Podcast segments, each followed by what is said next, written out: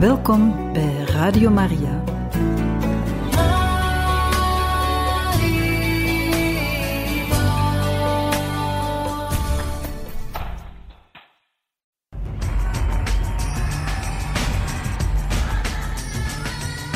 In nome del Padre, del Figlio e dello Spirito Santo.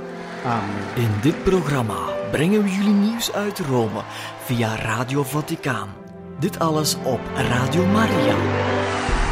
I giovani devono dirle al mondo è buono seguire Gesù, è buono andare con Gesù, è buono il messaggio di Gesù, è buono uscire da se stessi alle periferie del mondo e dell'esistenza per portare Gesù. Tre parole. Gioia, croce, giovani.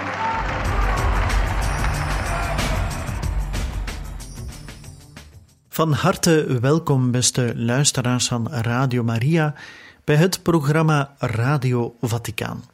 Het programma waar we samen een blik werpen op de pauselijke en Vaticaanse actualiteit.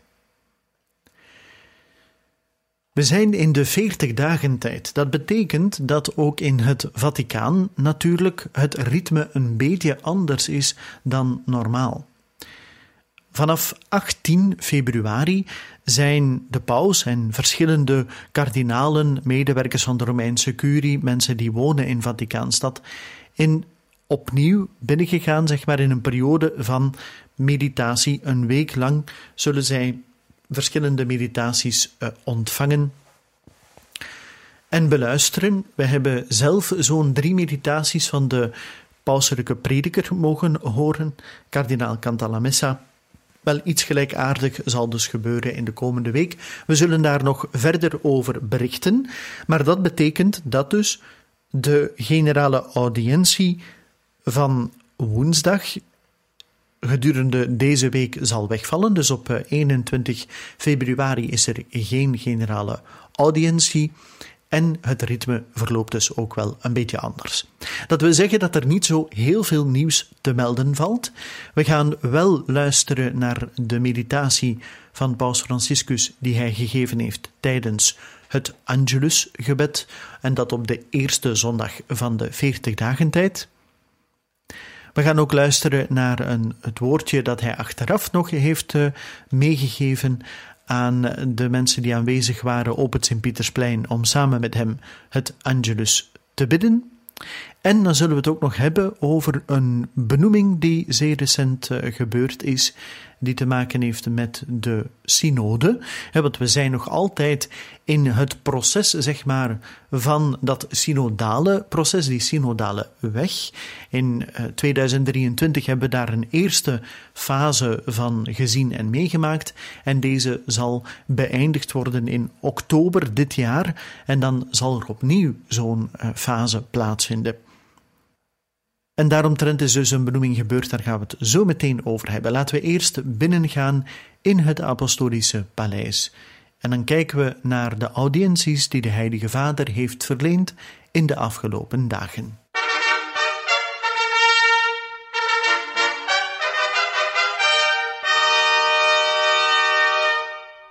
Op donderdag 15 februari heeft de paus kardinaal Gau Bras de Avis ontvangen. Deze man is de prefect van het dicasterie voor de instituten van Godgewijd leven en de sociëteiten van apostolisch leven. Hij werd samen met de secretaris van datzelfde dicasterie ontvangen. De paus ontving de heer Ion Marcel Ciolacu, de eerste minister van Roemenië, samen met zijn gevolg. Een audiëntie werd verleend aan de metropoliet-aartsbisschop van Tabora uit Tanzania, kardinaal Protase Rugambwa. Eveneens een audiëntie voor de metropoliet-aartsbisschop van Lima, afkomstig uit Peru, Monsignor Carlos Gustavo Castillo Matasolio. Een audiëntie werd verleend aan aartsbisschop Santiago de Witt Guzman, apostolische nuncius voor Trinidad en Tobago, Antigua en Barbuda, Belize, Grenada, de Coöperatieve Republiek van Guyana, St. Kitts en Nevis, St. Vincent en de Grenadines, Suriname, de Bahamas, Barbados, de Dominica, Jamaica en St. Lucia en apostolisch afgevaardigde voor de Antillen. De paus ontving eerwaarde heer Marek Andres Inglot, de voorzitter van het Pauselijk Comité voor Historische Wetenschappen, samen met dokter Pier Antonio Piatti, secretaris van datzelfde comité. Eveneens werden de leden van de Autoriteit voor Financieel Toezicht en Informatie ontvangen door de Heilige Vader en een delegatie van de beweging La Diaconie de la Beauté.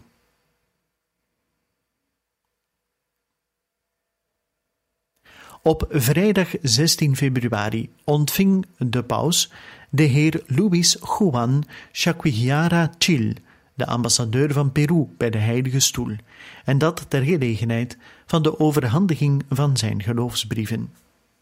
Dat wil zeggen, het is een uitdrukking die in diplomatieke kringen en in diplomatieke relaties gebruikt wordt. U weet dat voor zij die Radio Vaticaan een beetje hebben gevolgd in de afgelopen jaren.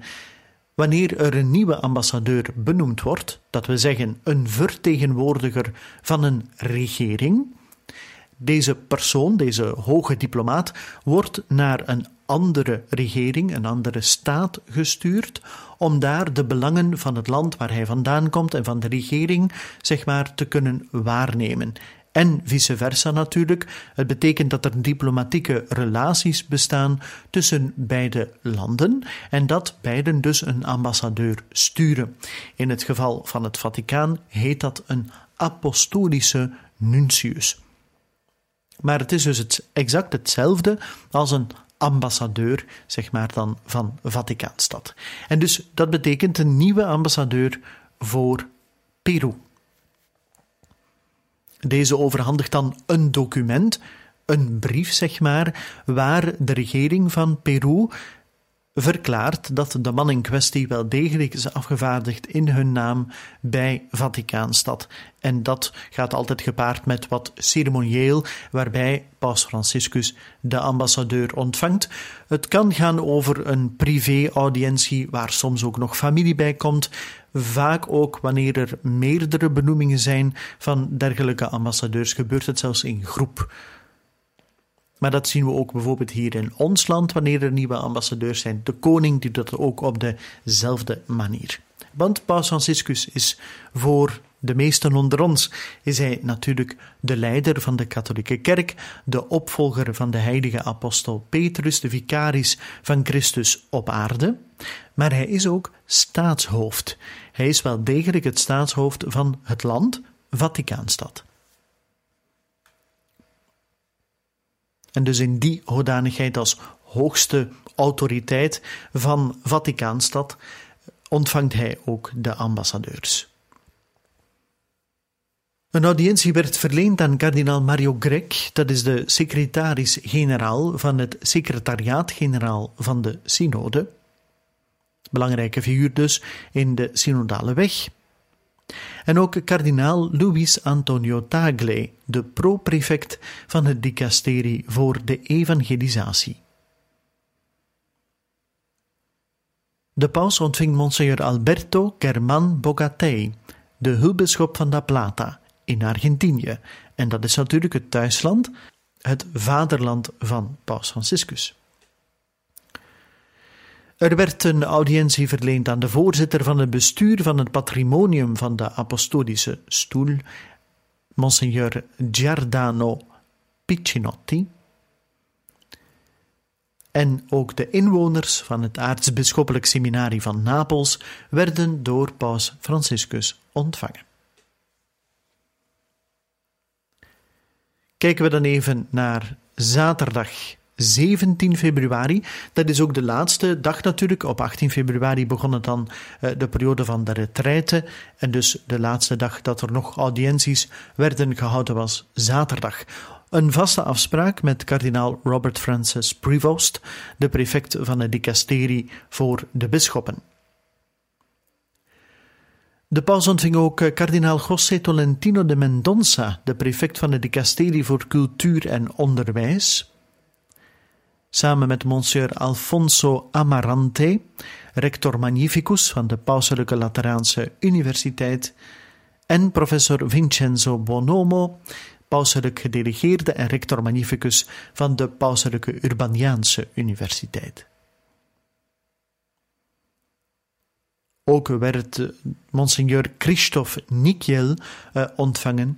Hij is uh, regent van de apostolische penitentiari. Ook de nationale leiders van de Italiaanse katholieke gidsen en scouts associatie.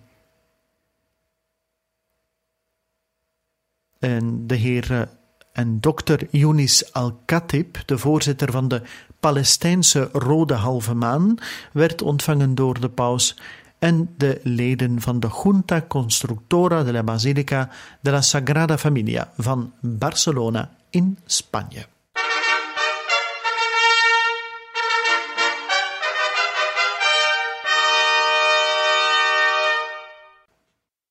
Nog een stevig aantal audiënties dus voor paus Franciscus alvorens hij kon werkelijk beginnen met zijn retraite. Op zondag 18 februari was het zover. De paus heeft eerst nog samen met de gelovigen het Angelus gebeden. We gaan luisteren naar de meditatie die paus Franciscus op die dag eh, heeft gegeven en dat in aanwezigheid dus van de gelovigen die naar het Sint-Pietersplein waren gekomen om de Heilige Vader te beluisteren. Luisteren wij samen naar de woorden van Paus Franciscus. Cari fratelli e sorelle, buongiorno. Oggi, prima domenica di Vandaag de eerste zondag van de veertig dagen tijd stelt het evangelie ons Jezus voor die bekoord werd in de woestijn. De tekst zegt, in de woestijn bleef hij veertig dagen, bekoord door Satan. In de veertig dagen tijd worden ook wij uitgenodigd om de woestijn in te gaan, dat we zeggen de stilte, naar binnen luisterend naar het hart, in contact met de waarheid. In de woestijn, zo voegt het evangelie van vandaag eraan toe, was Christus met wilde dieren en de engelen dienden hem. Wilde dieren en engelen waren zijn gezelschap. Maar in symbolische zin zijn ze ook ons gezelschap. Wanneer wij de innerlijke woestijn binnengaan, kunnen we daar wilde dieren en engelen ontmoeten. Wilde dieren. In welke zin? In het geestelijk leven kunnen we ze zien als de ongeordende hartstochten die het hart verdelen en proberen te bezitten. Ze doen ons voorstellen, ze lijken verleidelijk, maar als we niet oppassen, dan dreigen ze ons te verscheuren. We kunnen namen geven aan deze beesten van de ziel. De verschillende ondeugden, de zucht naar rijkdom die ons gevangen houdt, in berekening en ontevredenheid, de ijdelheid van het genot dat ons veroordeelt tot rusteloosheid en eenzaamheid, en de zucht naar roem die onzekerheid en een voortdurende behoefte aan bevestiging en bekendheid genereert di conforme e di protagonismo. È interessante non dimenticare queste Laten wij deze dingen die we van binnen kunnen tegenkomen niet vergeten. Hebzucht, ijdelheid.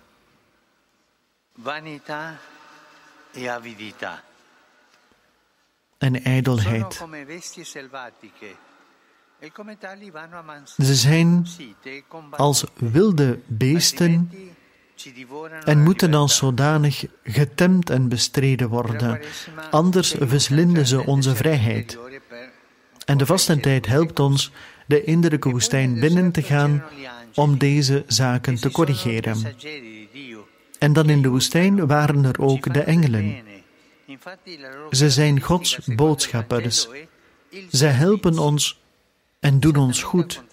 In feite is hun kenmerk volgens het evangelie dienstbaarheid.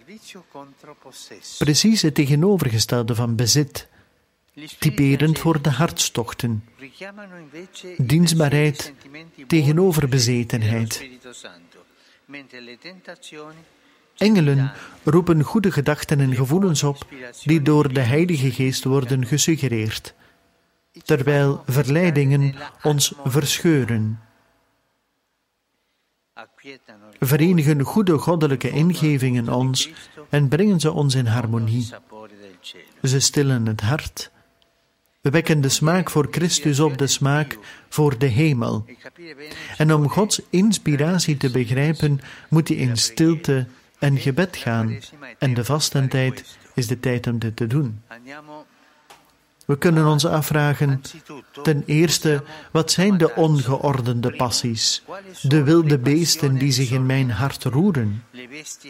En ten tweede, om Gods stem tot mijn hart te laten spreken en het in goedheid te houden, denk ik eraan om mij een beetje terug te trekken in de woestijn. Probeer ik hiervoor wat ruimte op de dag in te bouwen. Mogen de heilige maagd Maria, die het woord bewaakte en zich niet liet raken door de verleidingen van de boze, ons helpen op onze weg door de vastentijd.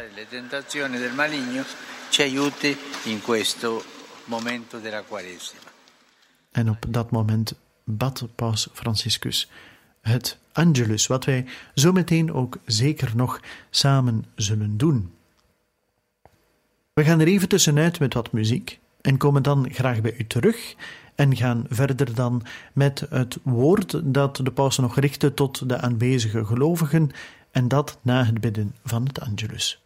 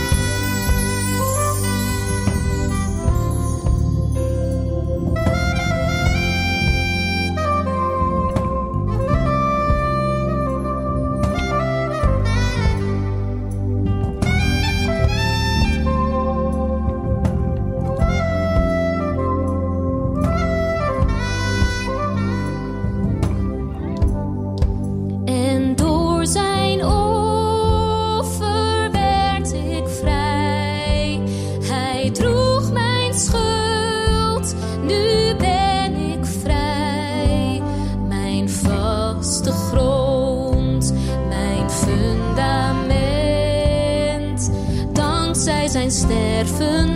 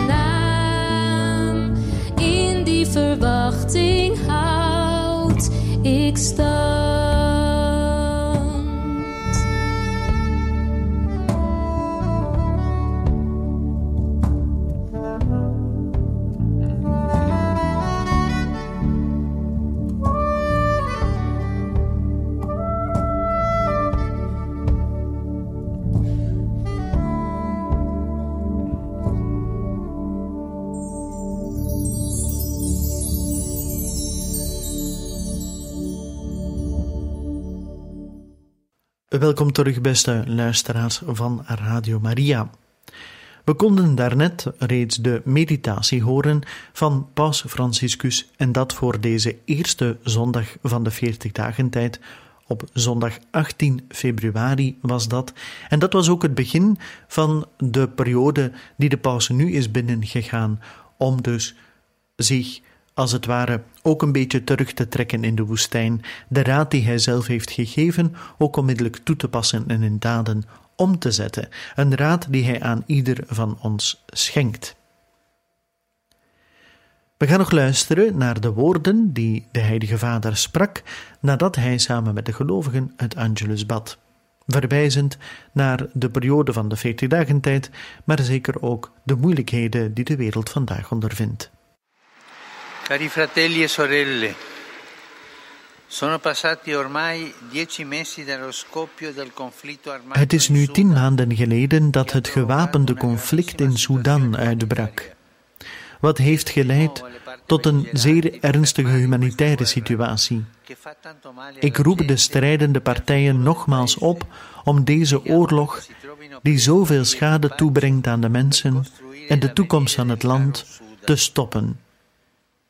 We bidden dat er snel wegen naar vrede worden gevonden om te bouwen aan de toekomst van het dierbare Sudan.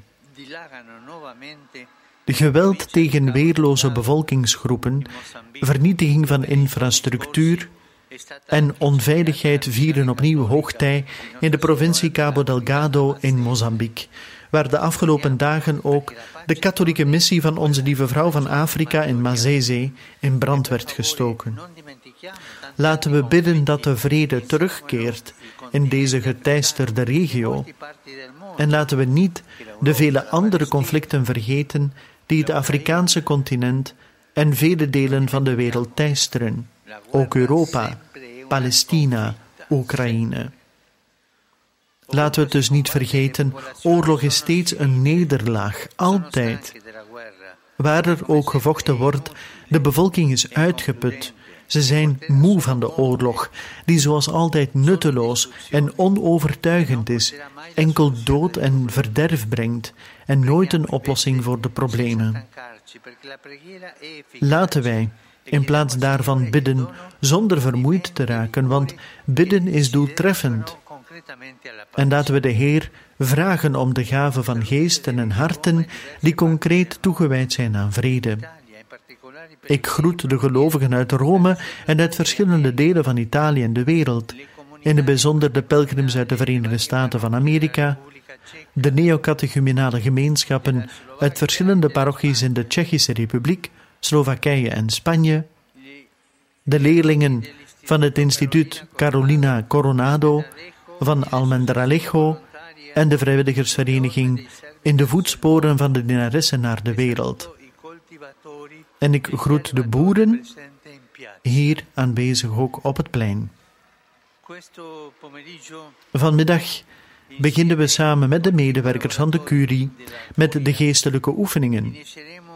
Ik nodig de gemeenschappen en de gelovigen uit om in deze veertig dagen tijd en in dit jaar van voorbereiding op het jubeljaar, dat het jaar van gebed is, specifieke momenten in te ruimen om zich te herbronnen in de aanwezigheid van de Heer. En ik wens iedereen een goede zondag. Vergeet alstublieft niet voor mij te bidden. Buon pranzo e arrivederci.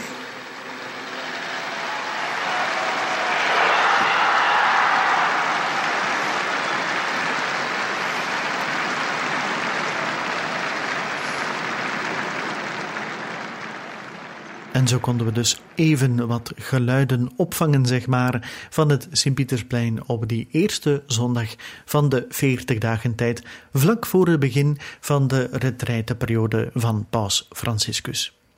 Wel, dierbare luisteraars, laten we zeker ook ter harte nemen de intenties van Paus Franciscus, alle medewerkers van de Romeinse curie, die op dit eigenste moment zich in een periode van woestijn bevinden zich terugtrekken uit het alledaagse, wat ja, voor hen het alledaagse is, besturen van de kerk, om als het ware de stem van God te beluisteren. En de strijd aan te gaan tegen de wilde beesten in het hart, de ondeugden die ieder van ons ook, en de uitdaging die ieder van ons ook kent en natuurlijk ook de engelen ons te laten brengen tot de goede ingave om naar God toe te gaan en meer ruimte voor Hem in te bouwen. Zeker in deze tijd. Zo is het voor ons bijna tijd geworden om samen het Angelus te bidden. Dat gaan we zo meteen doen samen met Paus Franciscus. Daarna kom ik graag bij u terug en gaan we het nog hebben over een benoeming die gebeurd is. En dan geven we u ook nog een opsomming, een weergave van de andere benoemingen die in de afgelopen dagen gebeurd zijn in het Vaticaan. Dat is voor zo dadelijk. Angelus Domini nunciavit Mariae. et concepit Spiritus Sancto.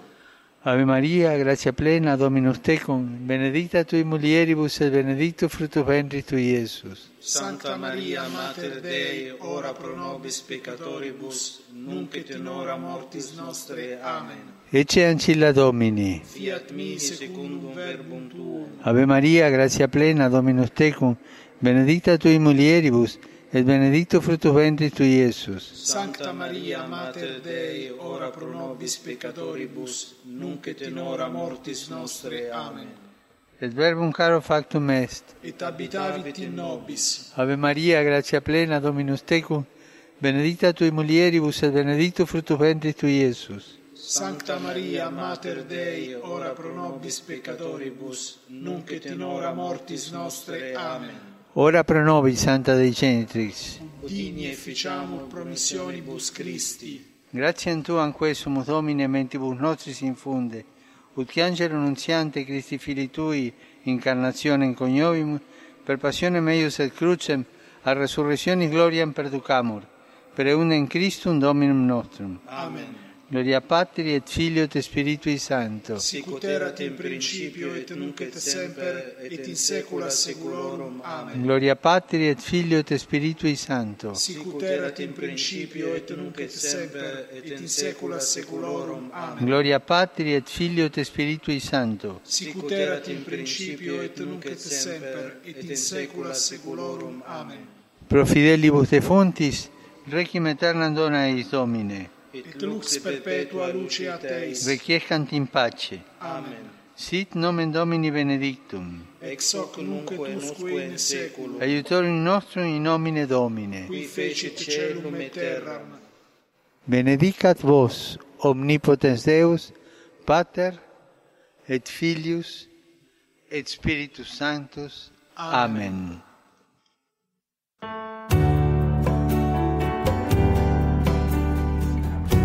Welkom bij Radio Maria.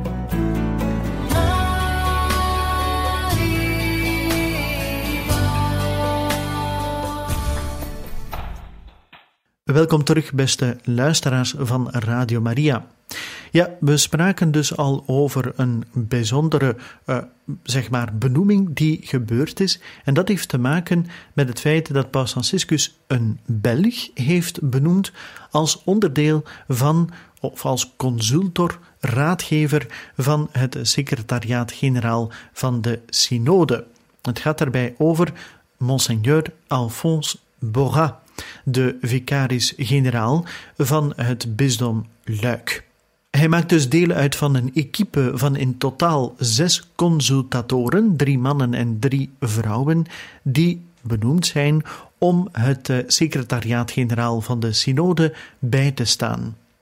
Andere theologen zijn afkomstig uit Canada, Australië en Zuid-Amerika. Het secretariaat-generaal van de Synode heeft ook de data bekendgemaakt voor de tweede zitting van de Synode over de synodaliteit. En die zal dus plaatsvinden van 2 oktober, dat is een woensdag, tot zondag 27 oktober. Voorafgegaan door twee dagen van spirituele retraite, van 30 september tot 1 oktober. Alle deelnemers die worden dan ook op 29 september in Rome verwacht. Nu, de keuze van Alphonse Borrat is geen grote uh, verrassing. Hij was een van de zes Belgen op de eerste zitting van de synode in oktober 2023. En laten we dan ook uh, veel bidden voor alle uh, deelnemers aan de synode, aan de synodale weg, dat zij steeds de Heilige Geest mogen volgen en dat ze hem mogen beluisteren dat ze op deze wijze de juiste beslissingen kunnen maken indien deze moeten worden genomen. En zo zijn we aan het einde gekomen van deze aflevering van Radio Vaticaan. We hebben voor u nog de Vaticaanse hymne en enkele benoemingen die gebeurd zijn in de afgelopen dagen.